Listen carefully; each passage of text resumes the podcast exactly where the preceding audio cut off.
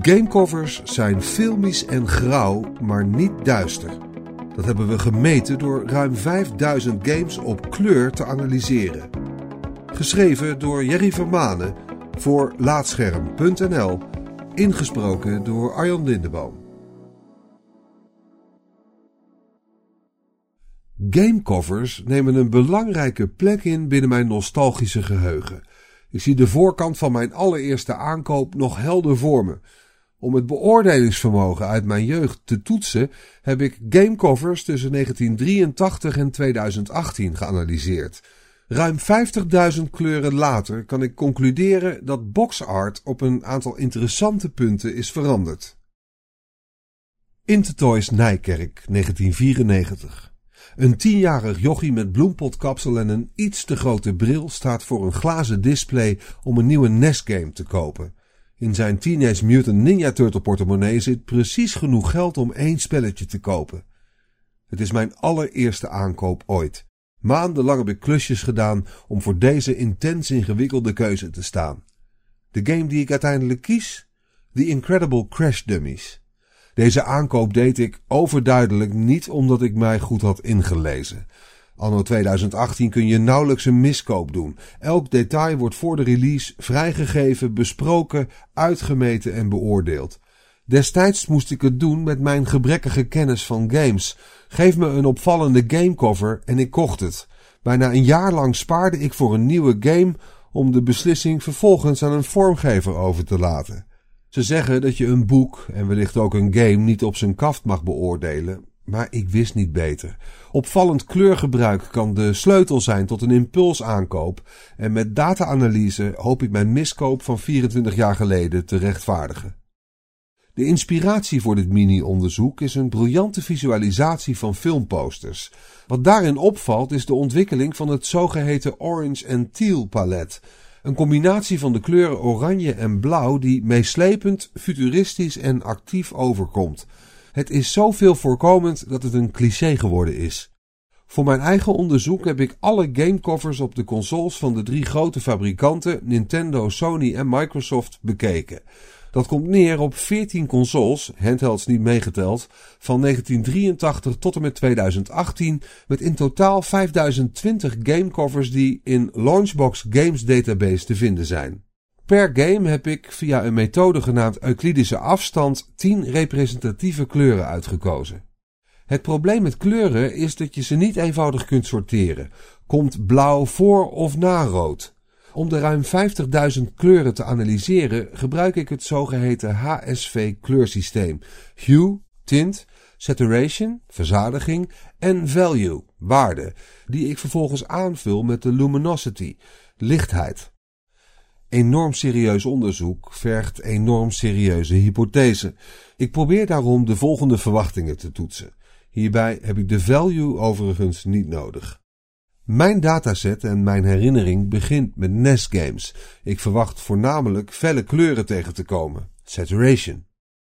Rond 2005 herinner ik me veel ernstige games met een donkere en duistere thematiek.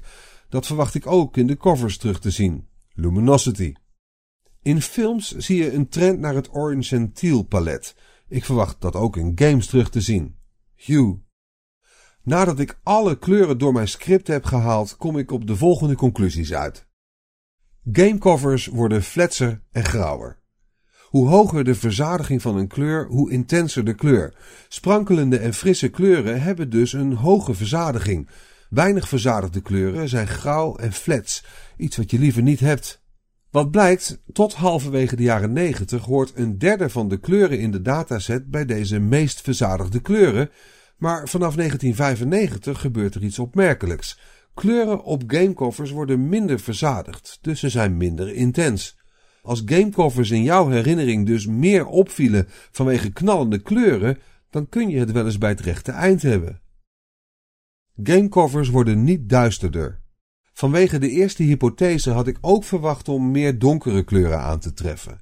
Grauw en flats kun je namelijk ook met donkere kleuren associëren. Dat blijkt echter niet te kloppen. Er worden zelfs iets minder donkere kleuren op gamecovers gebruikt. Dat was geheel tegen mijn verwachtingen in. Games uit mijn jeugd voelen namelijk luchtig en speels. En pas sinds de introductie van de PlayStation 1 speelde ik met regelmaat duistere, donkere en volwassen games. Mijn verwachting was dat ik daar ook iets van terug zou zien op gamecovers, maar het tegendeel blijkt waar. Gamecovers zijn altijd al filmisch geweest. Dit was de lastigste analyse. Waar houdt de kleur oranje op en waar begint rood? Met behulp van een aantal lijstjes heb ik een ruwe verdeling gemaakt die een aardig beeld geeft van hoofdkleuren. De geschiedenis van gamecovers is niet zo uitvoerig als die van filmposters, dus de ontwikkeling van kleurpaletten is eveneens niet uitgebreid te volgen. Als je moet uitgaan van deze analyse van ruim 30 jaar gamecovers, dan zie je dat het orange en teal palet altijd al een rol heeft gespeeld binnen game design. De kleuren oranje en rood zijn het meest dominant. Deze aanverwante tinten vormen bijna de helft van alle representatieve kleuren. Dat betekent niet dat de helft van het oppervlak van gamecovers uit die kleuren bestaat. Deze kleuren komen simpelweg op de meeste covers voor en hebben vaak meerdere variaties zodra ze op een cover staan. Als je gamecovers per se wil definiëren als filmisch door een kleurenpalet, dan zijn ze dat al sinds 1983. Door de volledige analyse zie je deze dominante kleuren terugkomen. En hoewel de kleuren op de voorkant van het doosje iets lichter zijn geworden, zijn ze wel minder sprankelend en fris. Of positief verwoord, vroeger viel een game meer op door verzadigde kleuren. Daarmee blijft mijn jeugdherinnering gelukkig voor het grootste deel overeind. De intense kleuren waardoor ik als tienjarig ventje werd verleid, zie ik als volwassen persoon iets minder vaak terug in de winkelschappen, of eigenlijk de webshops waar ik tegenwoordig mijn games koop. Maar alle data-analyses ten spijt voel ik me nog steeds niet oké over de aanschaf van Incredible Crash Dummies.